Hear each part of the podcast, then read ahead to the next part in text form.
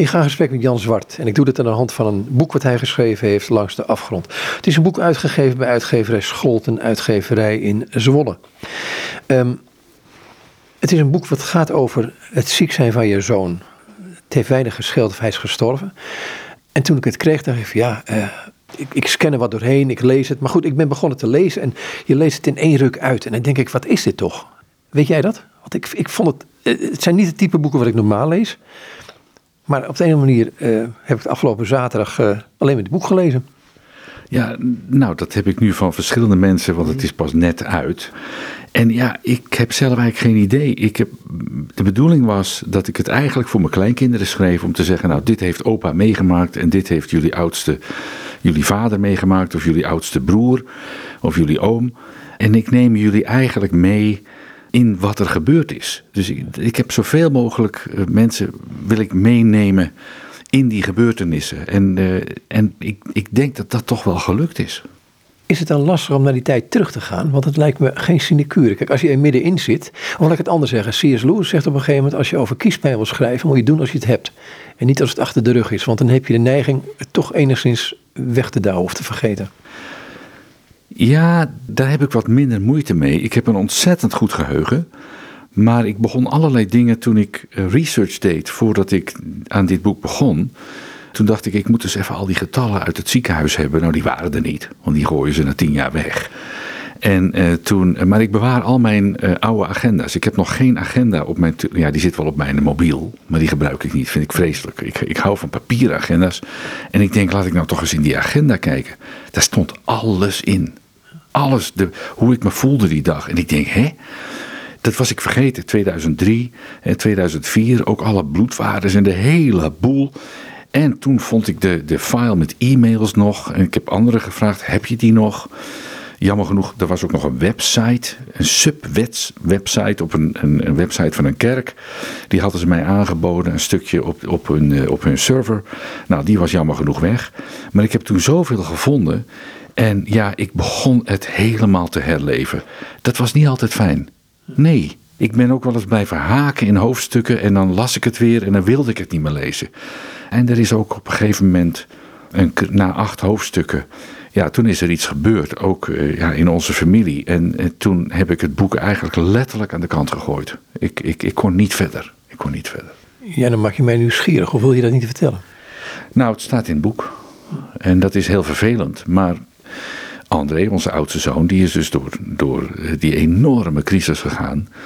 En in, ja, ik weet niet precies meer, maar het is nu drie jaar geleden. En toen had ik acht hoofdstukken geschreven, vol enthousiasme. En ik was er wel aan begonnen. En uh, bepaalde hoofdstukken waren wat moeilijker. Die heb ik ook herschreven later. Maar bij dat, na dat achtste hoofdstuk werd bekend dat zijn vrouw. Uh, die dus in het UMC Utrecht gewerkt heeft als secretaresse. Daar, daar hebben wij haar leren kennen. In die tijd dat André zo ontzettend ziek was. Die bleek borstkanker te hebben. Nou, de bodem sloeg er onderuit. En ik heb het boek, ik heb echt gezegd, ja, Heere God, als het zo moet, dan heb ik ook geen zin om over dit wonder te schrijven. Dan, dan, dan, hoe zit dit nou? nou de, en toen heb ik het zeker, nou, een half jaar niet aan kunnen kijken. En ik denk, ik wil eerst weten hoe het met die lieve schat gaat aflopen, mijn schoondochter. Hoe gaat dit nou aflopen? En, nou, dat weten we nog niet, maar het gaat heel goed met haar. Ik schrijf ook, in het boek schrijf ik daar eerlijk over dat ik het uh, een tijd lang niet heb kunnen doen. Ja, vanwege dat, die ziekte. En uh, gelukkig is de behandeling goed aangeslagen. Uh, het gaat goed met haar. maar ja, het is wel gebeurd. Ik ga een heel, heel apart stuk in het boek. Um, daar zit je bij het bed van je zoon. En je mag zo meteen vertellen wat, wat daarvoor gebeurd is. Maar je zit bij het bed van je zoon. En hij ziet aan het voeteneind van zijn bed Jezus staan. Met een kaal kind in zijn armen. Ja, ik zit op kantoor die vrijdag. Ik geloof dat het 5 december was. Even kijken, vrij, vrijdag 5 december. 2000. Dit lees je niet uit, uit je Bijbel? Ja, die datum staat in mijn Bijbel. Ja. ja, er staat een hele sequence, een volgorde in mijn Bijbel vanaf 1 eh, december tot en met 10 december. En die staat ergens bij Job. Ja, dat, is, dat klinkt allemaal mysterieus, maar ja, goed, oké. Mag je zo uitleggen? Ja, ook dat ga ik, als dat uit te leggen valt. Maar goed, vrijdag 5 december, ik zit op kantoor en ik ben eigenlijk alleen maar e-mails aan het schrijven. Over de hele wereld van bid voor mijn zoon. Dat was zo'n moeilijke tijd. En ik deed al wat werk en uh, overlegde wat met mijn collega's. En mijn vrouw belt op, ja, vroeg in de middag. En ze zegt, uh, ja, André heeft een visioen. Ik zeg, oh jee, wat nu? Ze zegt, nou, hij, hij ziet een, een witte figuur en, achter zijn bed. En, en, en die houdt een mannetje, een kaal mannetje. En hij zegt, dat ben ik. Hij kon het niet goed uitleggen hoor, want hij had ook een zuurstofmasker op. Vanwege, uh, hij kreeg zuurstofaanvulling. Uh, Gelukkig niet intubering, maar aanvulling of intubatie. En uh, ik zeg nou, dan, dan komt Jezus hem halen. Ze zegt nee, nee, hij gelooft juist dat Jezus hem gaat genezen. Ik zeg ja, nou, in, hoe het ook zij, ik kom naar je toe. Dus ik ben met gillende banden naar Soest gereden. Vanuit Bussum, ons kantoor en meteen door naar Amersfoort, waar hij toen lag, de eerste fase. En uh, ja, daar lag hij. Ben naast hem gaan zitten. We zijn alle twee naast hem gaan zitten. En toen vertelde hij, ja, kijk, daar, daar is het. Hier aan mijn voeteind, kijk, eh, daar zie je Jezus. En, en hij was zo overtuigd van wat hij zag. Een wolf die dan in het kleed van Jezus heel gemeen zo in dat kleed bijt. Maar die, zijn bek zit vol bloed.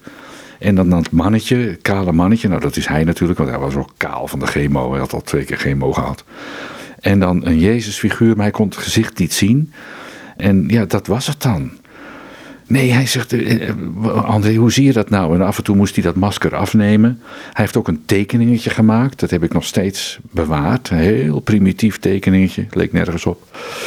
Dus hij ging dat uitleggen en hij zegt: Nee, nee, uh, Jezus die, die komt uh, me juist genezen. En hij zegt: Die wolf die breekt zijn bek, die wil mij bijten, maar die bijt in zijn kleed. En dat kleed is voor die wolf te hard, voor ons niet, maar voor hem wel.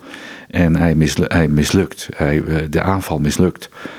En op dat moment, toen wist ik van, en toen heb ik in mijn hart beloofd: van Heere God, als hij hier uitkomt, dan laat ik een van de beste schilders van Nederland een, een schilderij maken van dat visioen. Ja. En dat is, dat is gebeurd, hè? En dat is gebeurd. Ja, uh, sommigen zullen het met mijn keus uh, niet eens zijn, maar ik vind Otto de Bruyne nog steeds een, een geweldige schilder. En Otto, Otto woonde toen nog in Ermelo. Ik ben bij hem geweest, bij zijn vrouw. Uh, René en Otto. En ik zit te praten, ik zit te praten. En in één keer zegt hij: Stop! Ik zie het voor me. Ik zie het voor me. Niks meer zeggen.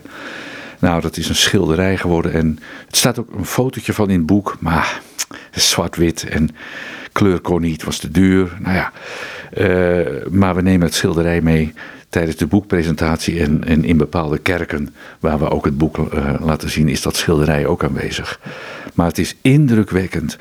En, en André zegt, ja, zo was het. Want wat, wat Otto ook in het schilderij doet, is de aarde met de hemel verbinden. Nou, je ziet het leven van André, een veelkleurige baan, die gaat zo omhoog. En dan in die baan onderbreekt licht die baan. Die veelkleurige baan wordt bijna totaal doorgesneden, maar door licht. En niet door duisternis. En ik vind dat zo apart, daar kan ik ja, daar kan ik uren over nadenken. En dan gaat dat leven gaat heel dunnetjes verder, als een streepje. Maar dan komt er een andere lijn bij. En dat is zijn vrouw, die hij leert kennen in het ziekenhuis. En dan komt er nog een lijn bij, dan vormt dat een soort duif. Maar ook in bepaalde kleuren, een kleurencombinatie. En dat is ook wel heel apart. Ja. En centraal toch die witte figuur met het kale kindje. Die staat centraal. Die witte figuur staat centraal. En ja, wat nou eigenlijk het, het wonder ook is, André was te lang in zijn immunologische dip geweest. Dat kwam doordat hij had een hele zware chemo, zijn tweede chemo, die was heel zwaar. En eh, daar had hij ook voor getekend. Dat was nog steeds een onderzoek van de Hovon Stichting. Eh, die doet onderzoeken voor kankerbehandelingen. En eh, ze hadden geloof ik nog 50 mensen nodig om dat te uh, finaliseren, hè, om dat, af te maken, die, uh, om, om dat medicijn te kunnen gebruiken. Dus het was in een experimenteel stadium en het was geloof ik vijf keer zwaarder dan de normale behandeling. Had hij voor getekend. Maar hij bleef maar in die dip en die dip en hij kreeg toen een, een longontsteking en dat is in de meeste gevallen, als je zo lang in een dip zit, is dat fataal. En uh, ze zeiden toen dat is waarschijnlijk Aspergillus fumigatus geweest. Een hele vervelende, zware uh, longontsteking. Een, vreselijke bacterie. Is niet bewezen. Die test is vreselijk om die test te doen. Nou, in ieder geval, uh, hij bleef daar maar in en het was maar 0, 0, HB, 3, 4. Dan kreeg hij weer een bloedtransfusie. He, zijn rode bloedlichaampjes, witte bloedlichaampjes, 0, 0, 0. En die heb je nodig om die ontsteking gaan arresteren. En die dag kwam die leukocytesprong. Na dat visioen was die sprong er. 0,2. Het was bijna niks. Maar wij stonden te juichen met 0,2 leukocyten, waarvan het grootste gedeelte granulocyten. En granulocyten in de witte bloedlichaampjes, dat is, de, dat is het commando-team. Dat zijn de echte toegeruste vechters. En wat we toen niet wisten, toen begon er weer een strijd. Weer een strijd. Want we waren blij. Maar vrijdag s'nachts is hij weer zo ziek geworden. En ademen 40 keer. En oh man, en die koorts kwam opzetten. Want wat gebeurt er? Eén long had dus die zware infectie. Ja, en die, werd, die infectie werd niet tegengewerkt. Die, werd, die, die, die kon niet genezen, omdat er geen witte bloedlichaampjes waren. Maar die waren er nu wel. En wat doen, doen die witte bloedlichaampjes? Dat is ook weer een wonder van, van de schepping. Die sluiten die, dat ontstoken deel van die long af. Dus je, longinhoud wordt gewoon weer minder. Dus je begint weer meer te ademen, meer te ademen, meer te hijgen. En het wordt minder. En ja, uh, dat was echt wel kritisch. Maar daar is hij doorheen gekomen. Goed doorheen gekomen. Ik zag het toen s'nachts eigenlijk ondanks dat visioen en dat geweldige van die leukocytesprong, toen heb ik s'nachts een enorme geestelijke dip gehad. Ja, toen zag ik het niet meer zitten. Hoe, hoe uitte zich dat? Uh, nou ja, dat is moeilijk uit te leggen. Um, ik, ja, boos worden op God, hoe kun je boos worden? Ik had diepe vragen en ik, het was toen s'nachts om half één, één uur. En ik zag die jongen lijden en hapen en dan... Oh, en hij durfde niet te slapen. Dat kon hij bijna niet, want hij ademde toen 40 keer per minuut. En uh, ik denk, ja, wie kan ik nou nog bellen? Ik, ik, ik heb gewoon ondersteuning nodig. Ik, ga, ik red het niet. Ik, ik was ook toen, kwam er even een golf van twijfel dat ik dacht van, ik ga gewoon naar de bovenste verdieping van die flat en ik gooi, ik gooi mijn bijbel naar beneden, want het is, het is allemaal niet zo. Kom op. En dan heb je zo'n dip en dan, alles werd echt, volgens mijn achternaam, echt zwart. En ik loop dat trappenhuis in. Ik denk, ga niet met de lift. Ik loop naar boven, zodat ik wat tijd heb. En ik ben nog een paar treden verder. En ik denk in één keer aan Guatemala. Daar was ik een jaar daarvoor geweest. Heel veel biddende mensen. Levende, levendige kerk daar. En daar was ik in een zendingsconferentie. En daar heb ik mensen leren kennen. Dat waren echte bidders. Die baden ook. En, uh, nou, dat, in hun huis. En ik denk, weet je wat ik doe? Het is uh, zeven uur tijdsverschil. Die mensen zijn nu aan het eten of zo. Hè? Ze eten.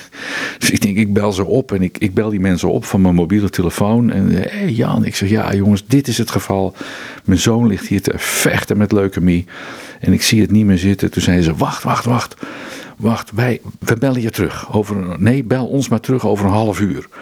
En we halen eventjes wat mensen bij elkaar. En als een speer zijn die mensen allemaal mensen gaan bellen. En sommigen per telefoon, anderen zijn naar hun huis gekomen. En ik denk, ik wacht nog even wat extra. Ik ken het verkeer ook wel in Guatemala City, dat is ook niet zo lekker. En uh, na drie kwartier bel ik ze terug. En toen zeiden ze, we zitten hier allemaal bij elkaar. En uh, we hebben iemand in het midden gezet. Bizar was dit hoor. En we hebben hem gewoon André genoemd. Om, om eventjes jouw zoon voor ons te zien. We hebben hem de hand opgelegd. En we, zijn voor hem, we hebben hem omringd. En we hebben de naam van Jezus boven hem uitgeroepen. Ja, nou word ik emotioneel. Goeiedag. Ja. Dat is toch, uh, toch wel heel apart geweest. En toen kreeg ik s'nachts zo, ja, zo rond twee uur, kreeg ik instructie van die groep van nou, uh, als je nou uh, uh, nu moet je naar binnen gaan en dan bid je maar ongeveer hetzelfde. Al voor mij een beetje in het Spaans, want dan spreek ik ook vloeiend. We hebben daar in Zuid-Amerika gewoond heel veel jaren. En dan bid je maar wat er over hem uit, wat wij net hier gebeden hebben. Dat we hem verbinden met het gezonde lichaam van Christus. dat we genezing over hem uitspreken. Dat we leven over hem uitspreken. Nou, doe dat maar. En geef hem de groeten van ons en de groeten van Guatemala. En dat heb ik gedaan. Ik stormde naar binnen. Ja, je moest ook even je handen wassen en alles. En in die, in die intensive care uh, afdeling. En, uh, en André kijkt me vragend aan. Ik zeg, joh, ik heb net instructies gekregen uit Guatemala. Want die mensen die zijn, echt voor jou aan het bidden. Ja, en dat is, nou, dat is toch wel heel, uh, heel indrukwekkend geweest. En dat vond hij ook. En, en eigenlijk is het, ja, zaterdagochtends toen, oh, toen kwam wat, wat er ook gebeurde. Er gebeurde er weer iets apart.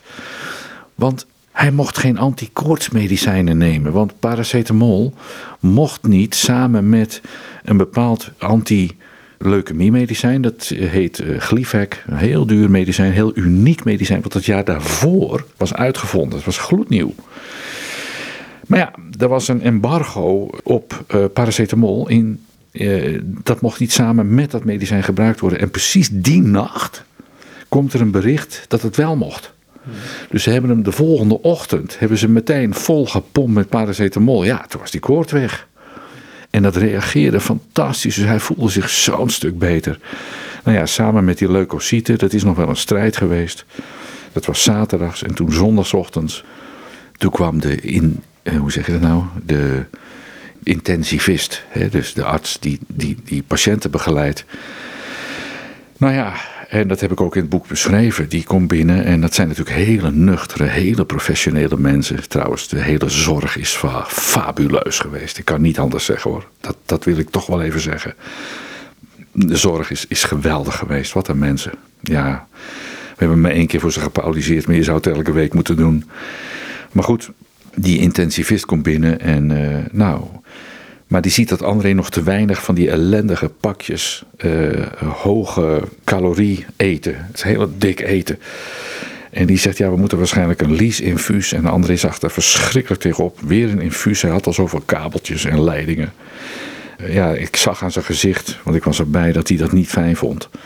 En toen, uh, toen heb ik een rollenspel gedaan. Die, die dokter ging weg. Een hele professionele dokter overigens. En toen ben ik naar buiten gegaan, heb ergens een witte jas gepakt. Ik was ook wel een beetje hyper in die tijd. En toen heb ik mij voorgedaan als ik arts was. En toen zei, ben ik weer naar binnen gegaan. Ik zeg, meneer Zwart, goedemorgen. Ik keek even op uw, uh, uw grafiek. Hè. Dat is een bord, dat hangt aan je bed. En ik zie dat u uh, aardig aan het eten bent, hè, drie pakjes per dag. Maar denkt u dat er nog twee bij kunnen?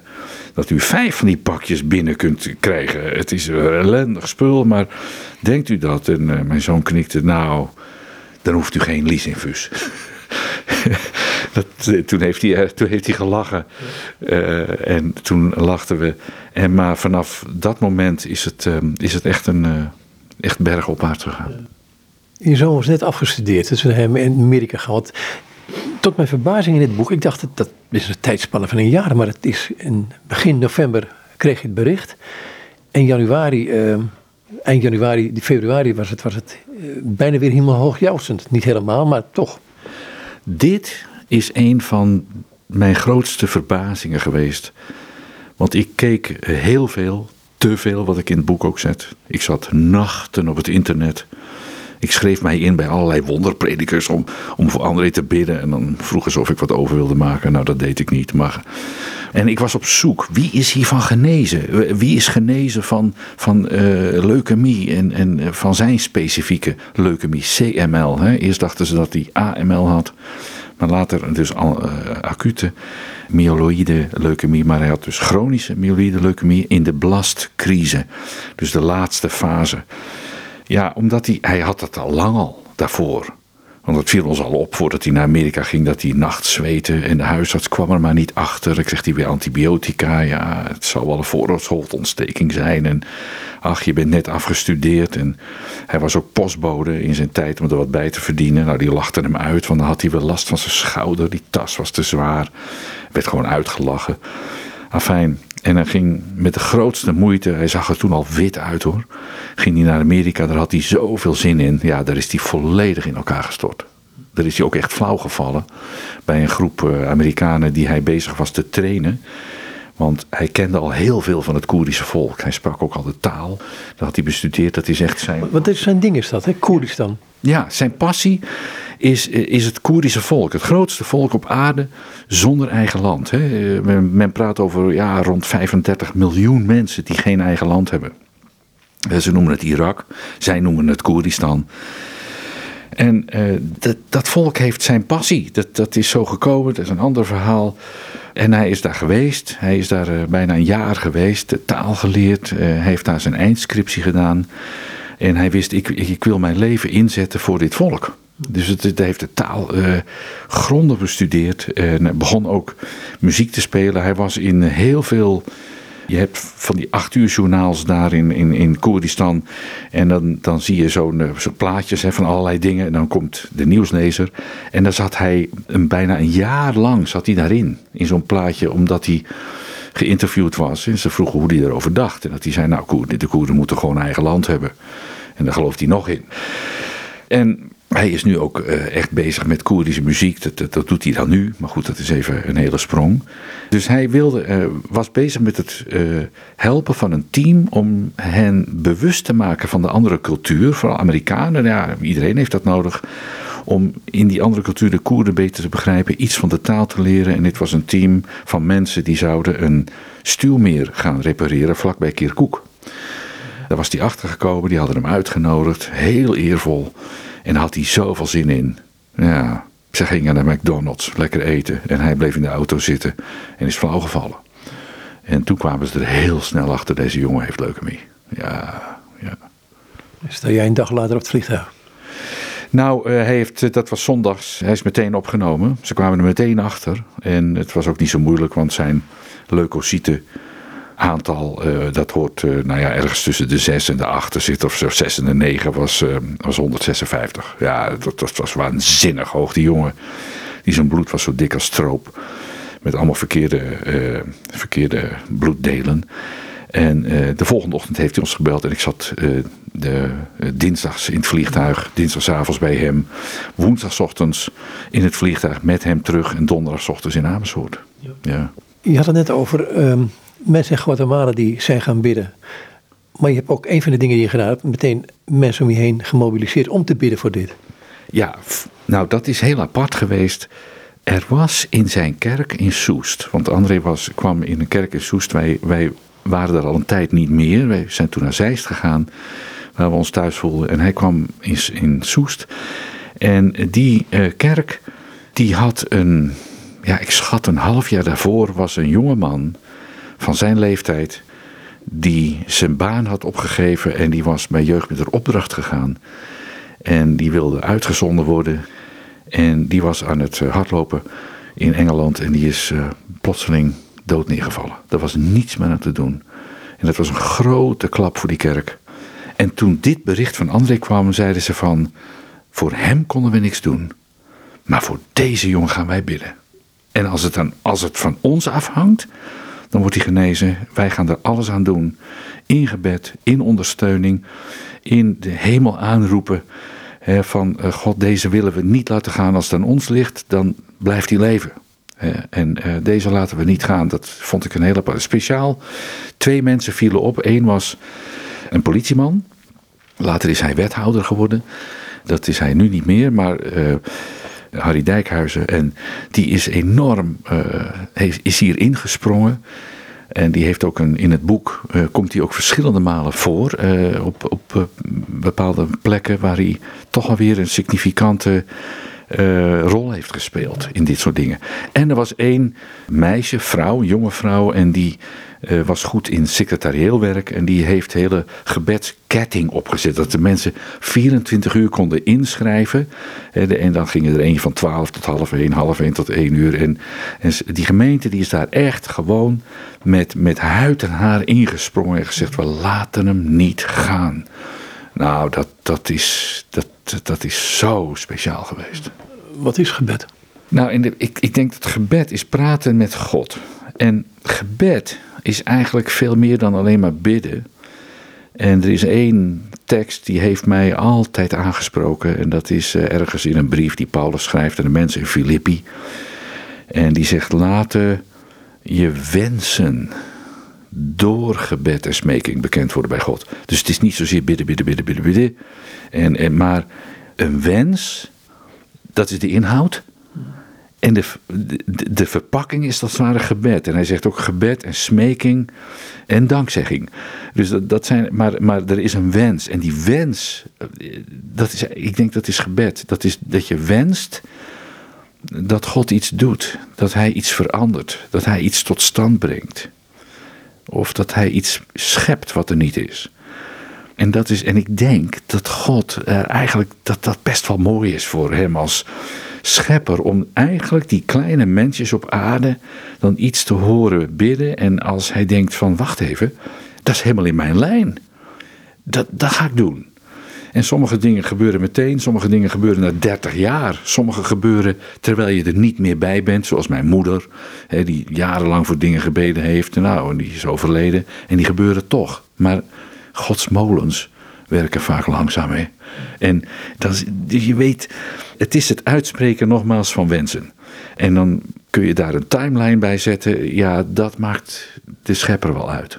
Ja, dat, dat maken wij niet uit. Soms dan kun je dat zeggen, Heer, hè, ik heb deze week iets waarvan ik echt de Heer gebeden heb. Heer, laat dat nou deze week gebeuren.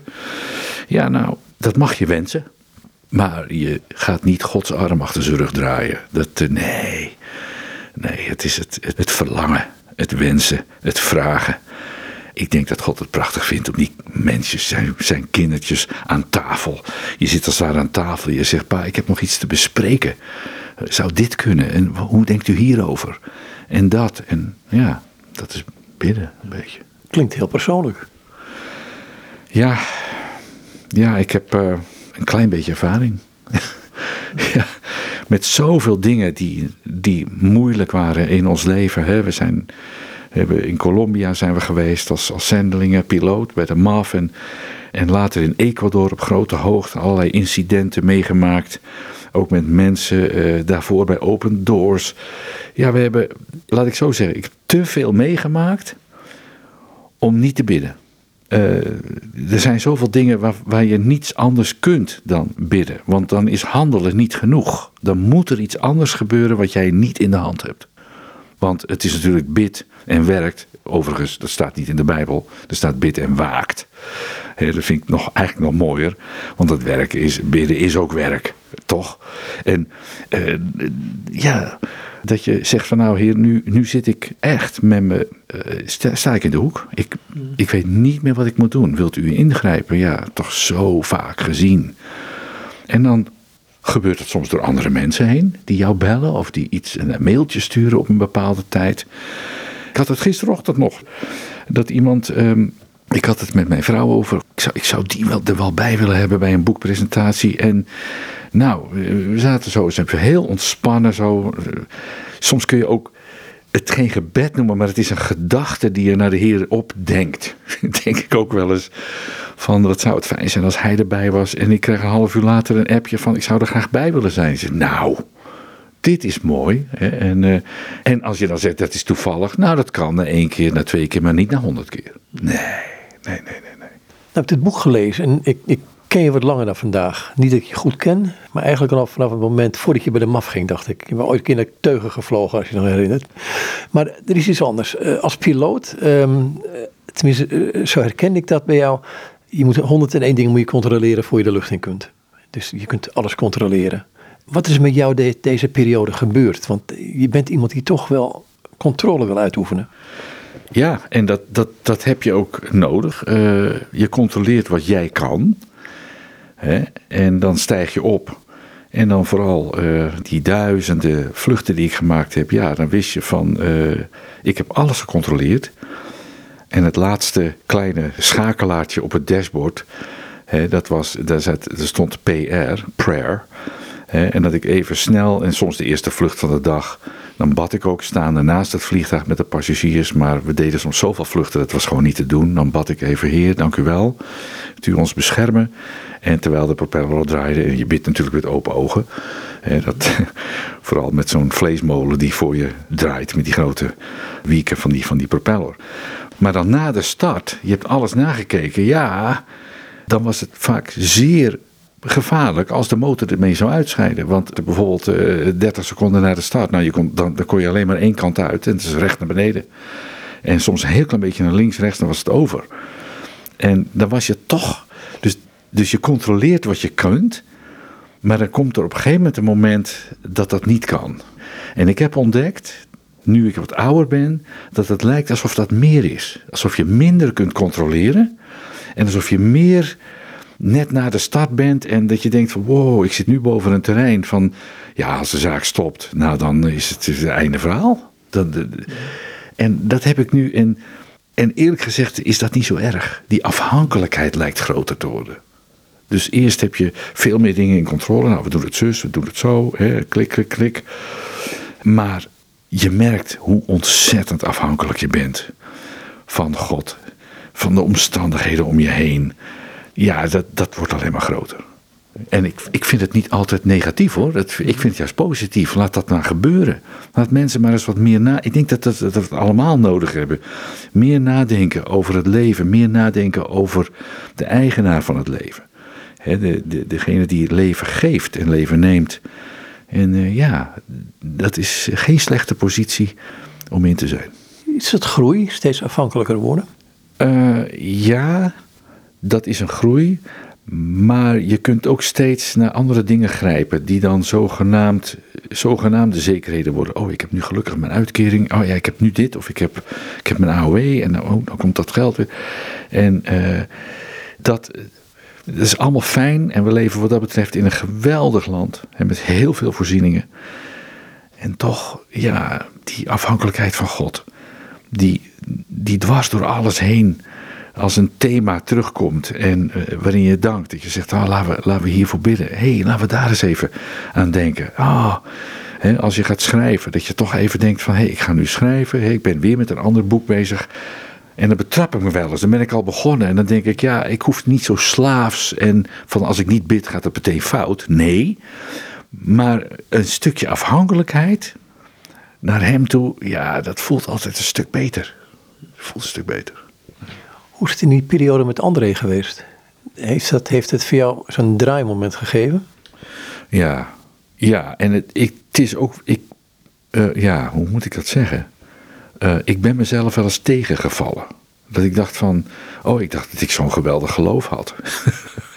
ik dacht dat ik zo, uh, zo hè, al die ervaringen in Colombia en Ecuador met de MAF en open doors, het smokkelen van bijbels en alles wat we meegemaakt hebben. Ik zou toch nu, ik zou toch nu een beetje verder moeten zijn. En dat viel me soms wel tegen. Maar dan ga je ook met die tegenvaller over jezelf ook weer naar God toe en zeg je, Heer, nou, ik ben toch wel een bastard. Hè? Of dat je zegt van, nou Heer, daar kom ik weer, uw twijfelende zoontje. En dan weet ik één ding, is altijd die omarmende God. Die je bij aan tafel neemt te zeggen, jochie. Dat zeggen ze hier in Utrecht, de oudere mannen ook tegen elkaar. Die noemen elkaar altijd jochie.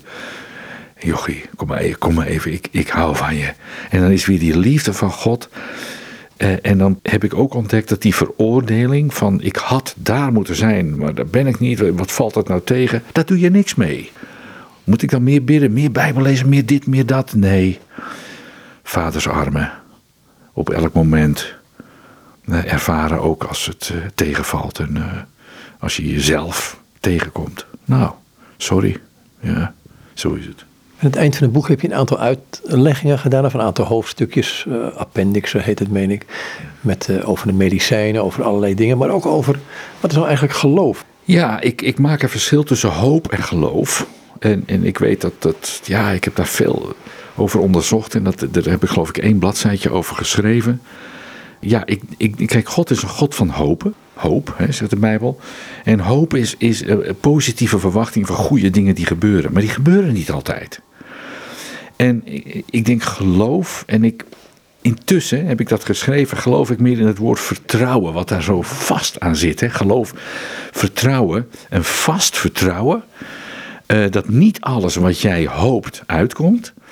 Maar wat ik zelf heb ervaren in mijn leven, en daar groei ik in hoor, want dat, dit is niet het, laatste woord, het was wel de laatste hoofdstuk, maar, of het laatste appendix, maar niet het laatste woord, is dat uh, vertrouwen dan lijkt het alsof een aantal dingen die jij hoopt. Dus je bent een persoon die, die niet over alles negatief denkt. Van dit gaat niet goed en dat, nou dat zal ook wel niet goed gaan. En oh ja, je, wordt een soort mopperkont. Maar je, er zijn dingen dat je echt mag vertrouwen. Heer, u bent in controle. U, u, en, maar dat er bepaalde dingen uitgelicht worden op een bepaald moment wat ik niet kan van tevoren bepalen. En dat je weet van dit, dit gaat gebeuren.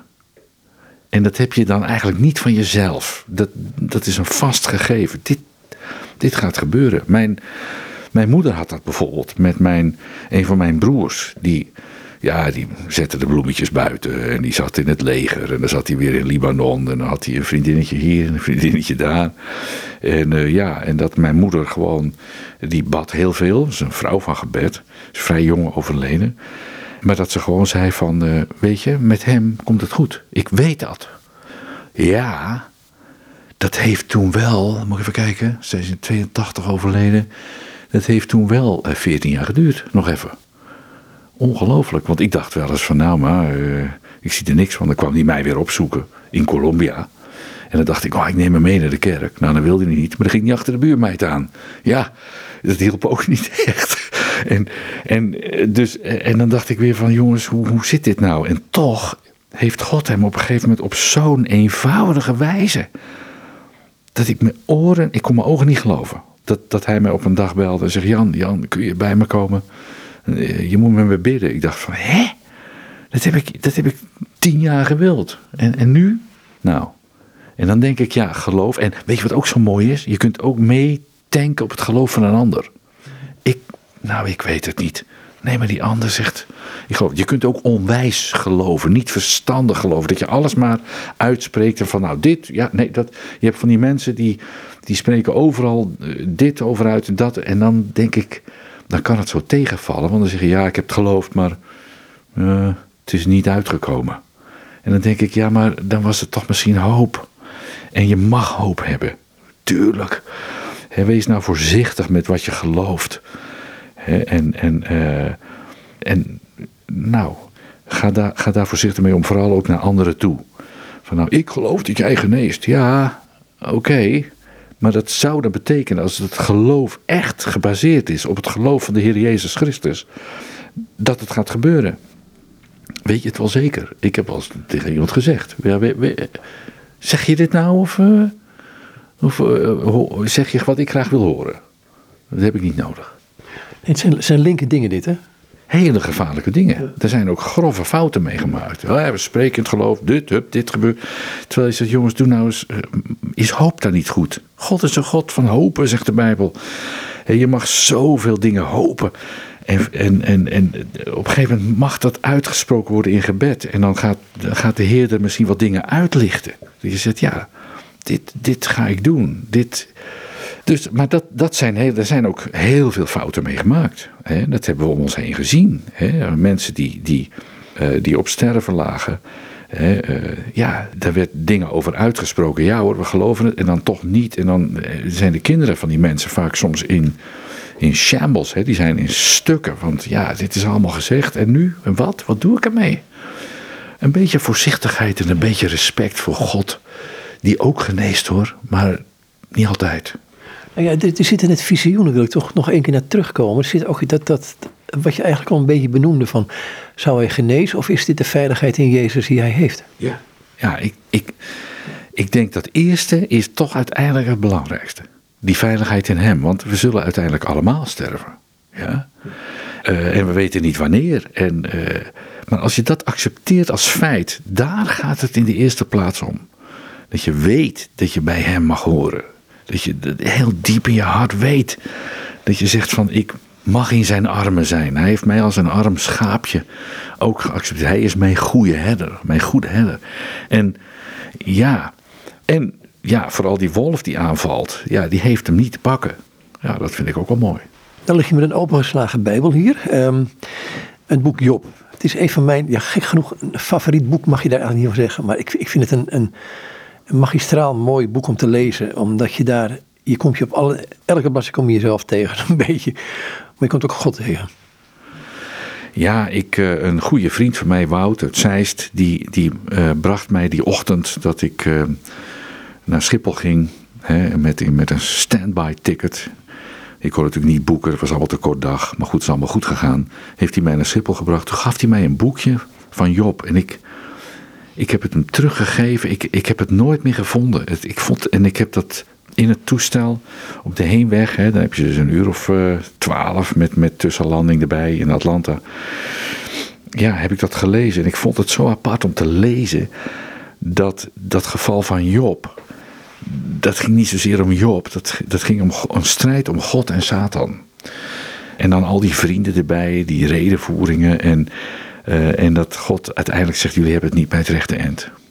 Ik ben het die het voor het zeggen heb. Maar ja, er is toen iets gebeurd. En dat is, dat is in de tijd uh, voor uh, 5 december. Toen was ik ook bezig om Job weer eens helemaal te lezen in de Bijbel. En toen kwam ik op een gedeelte in Job 33.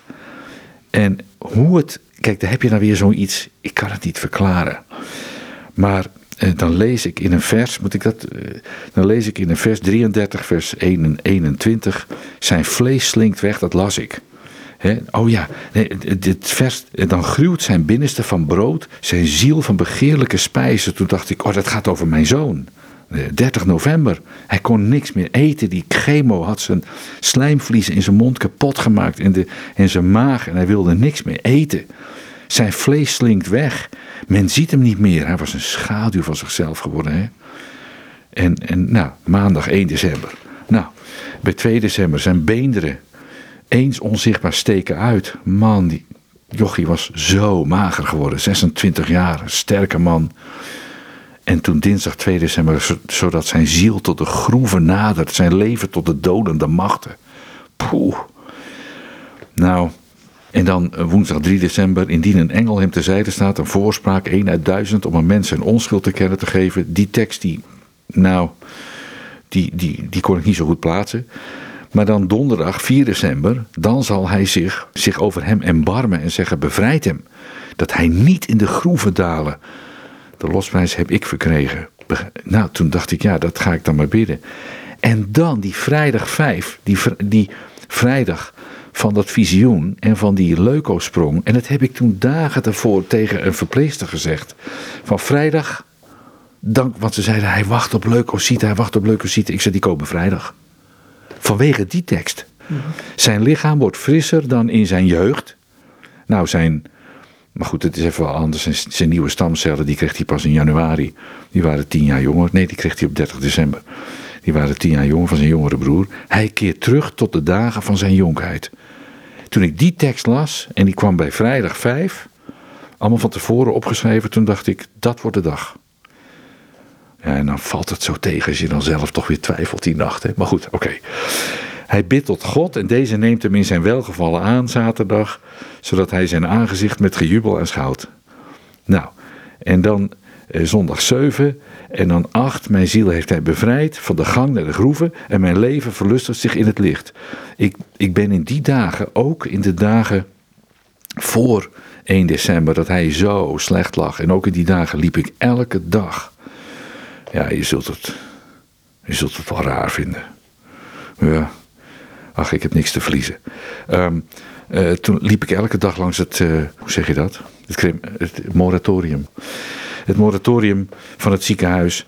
En dan schreeuwde ik, keek ik eerst om me heen of niemand het zag. En dan schreeuwde ik gewoon, ik zal het nu even niet doen. Maar, en hij komt hier niet.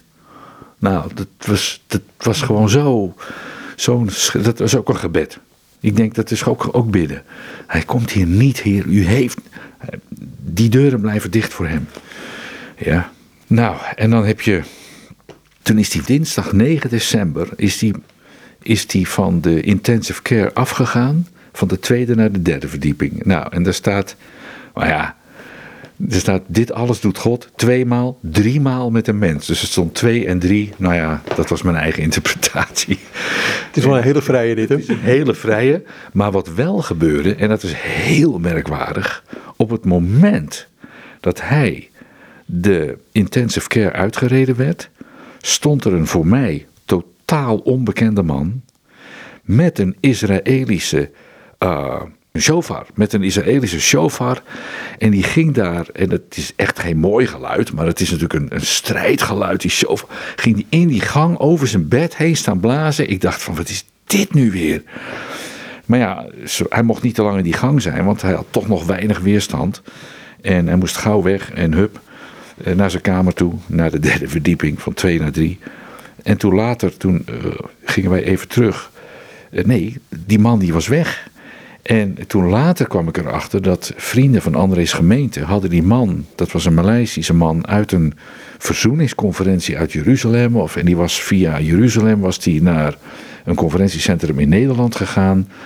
En toen zeiden ze, we brengen je naar Schiphol, maar we moeten even langs, langs iemand. En dan moet jij blazen. En die, en die man die wist helemaal niet dat André juist ook ontzettende sax, geweldige saxofonist is.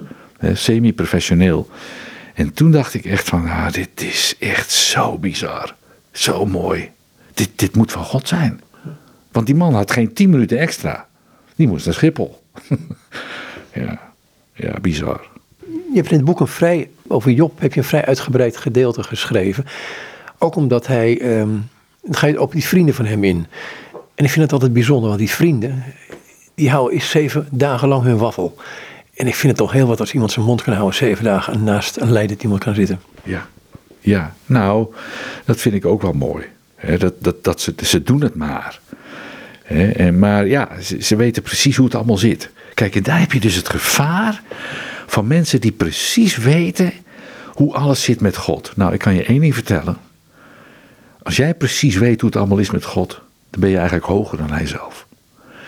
Dit, dit kan niet. De Bijbel die openbaart ons genoeg om net eh, genoeg van Hem, wie Hij is, maar we weten niet alles. En, uh, en juist de, uh, de pretentie om de zekerheid te hebben dat je weet hoe het allemaal in elkaar zit, dan denk ik, dan praat je waarschijnlijk tegen een heel onzeker iemand. Want die heeft dat nodig om zo zeker te zijn van zijn eigen kleine wetenschapje over God. Hè, dat je nooit ruimte overhoudt voor een bepaalde vraag of een bepaalde twijfel. En ik vind dat helemaal niet erg om te denken van nou, Heere God, heeft u dat nou echt in de hand nu? Oekraïne en Rusland en dan bidden wij voor die kerken hè, in beide landen. Dat je, oh God, laat die kerken toch elkaar, dat ze toch voor elkaar bidden. Maar dat je denkt, heer, hoe zit dit nu? Hoe, hoe gaat dit nu? En ja, er zijn toen boeken geschreven over bijvoorbeeld de menselijke geschiedenis, The Great Late Planet Earth. En die wisten het allemaal precies. Er, er is niks van uitgekomen. En dan denk ik, ja, dat, dat is het dus niet. Maar het is om aan zijn hand te kunnen wandelen en om te zeggen, laten we samen naar hem toe gaan. We weten niet alles, maar we weten dat hij een liefdevolle vader is. Hij is te vertrouwen in leven en in dood. Maar die drie vrienden, die haal jij naar voren toe in het hoofdstuk of in het stukje. Zijn het nou omstandigheden die jij ontmoet hebt terwijl André zo ziek was? Of zaten die drie vrienden eigenlijk ook diep in jezelf? Dat die met dit soort vragen ook bij jou zaten? Ja, dat is een, een, een hele goede, maar ook een moeilijke vraag. Ja, nu je dat zo zegt, denk ik van, ik dacht ook wel meer van, van God te weten.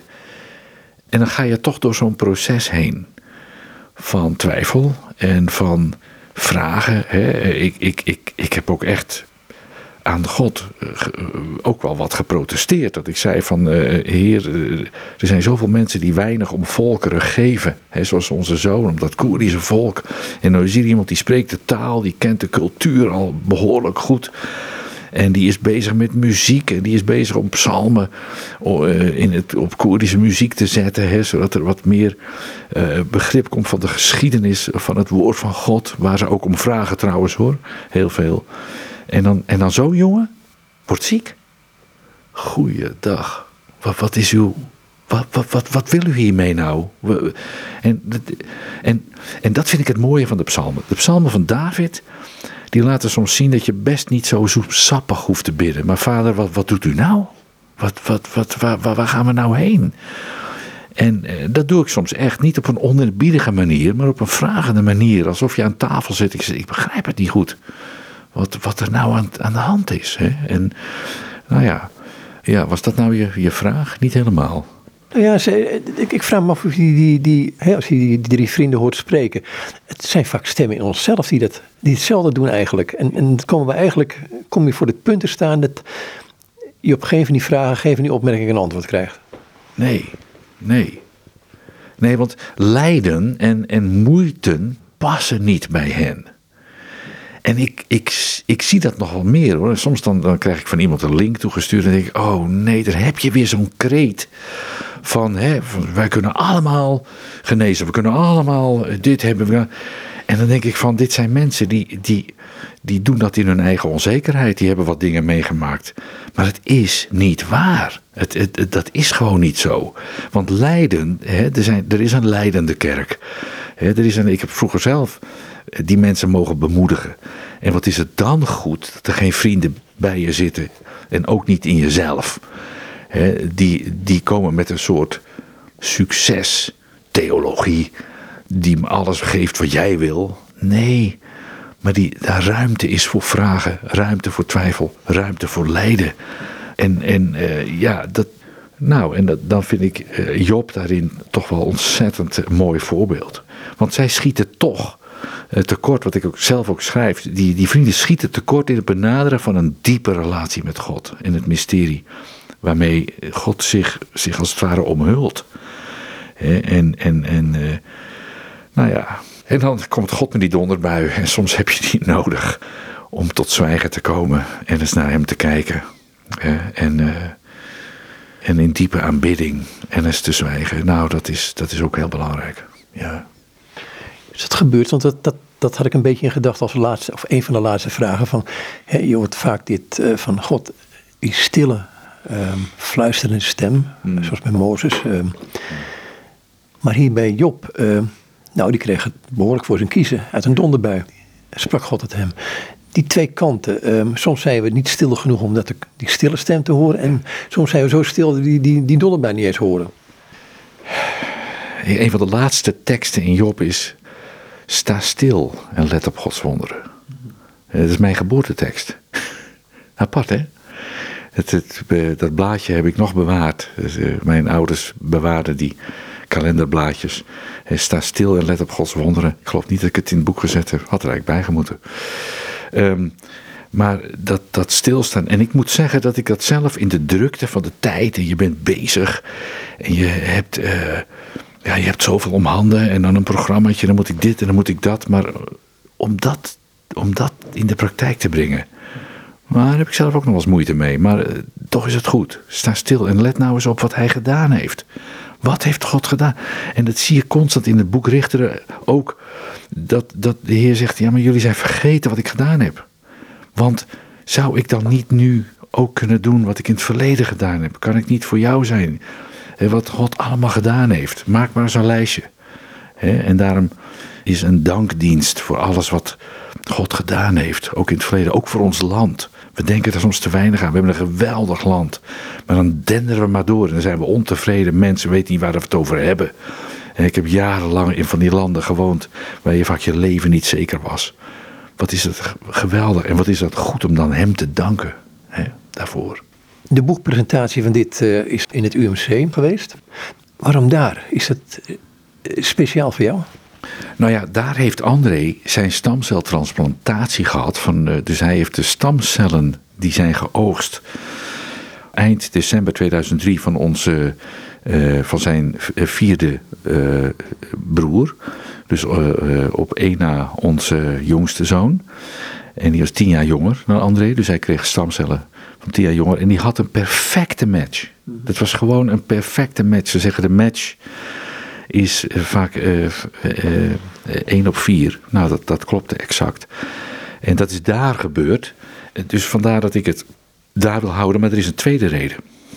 Er is daar. De indeling is nu iets anders daar, maar er was een eiland, dat is er nog steeds, een soort eiland. Daar kunnen ze dan uh, toneelstuk houden of muziek. En toen André weggereden werd in zijn rolstoel, toen zei hij van, als ik hier, ik, ik kom hier nu niet meer terug. Nou, het is niet helemaal waar geweest. Hij, moest, heeft één keer een dip gehad. Maar goed, ik kom hier niet meer terug. Uh, het zit erop. Maar ik wil ze ooit eens bedanken met een stuk muziek. Nou, en, en, en dat, uh, dat uh, hebben we gedaan tijdens die boekpresentatie. En hij heeft solo's gedaan. Ik heb hem begeleid op de vleugel in het stiltecentrum. En ja, om aan die belofte nog te voldoen. Ik was hier belaat. Hey, um Dankjewel voor dit gesprek.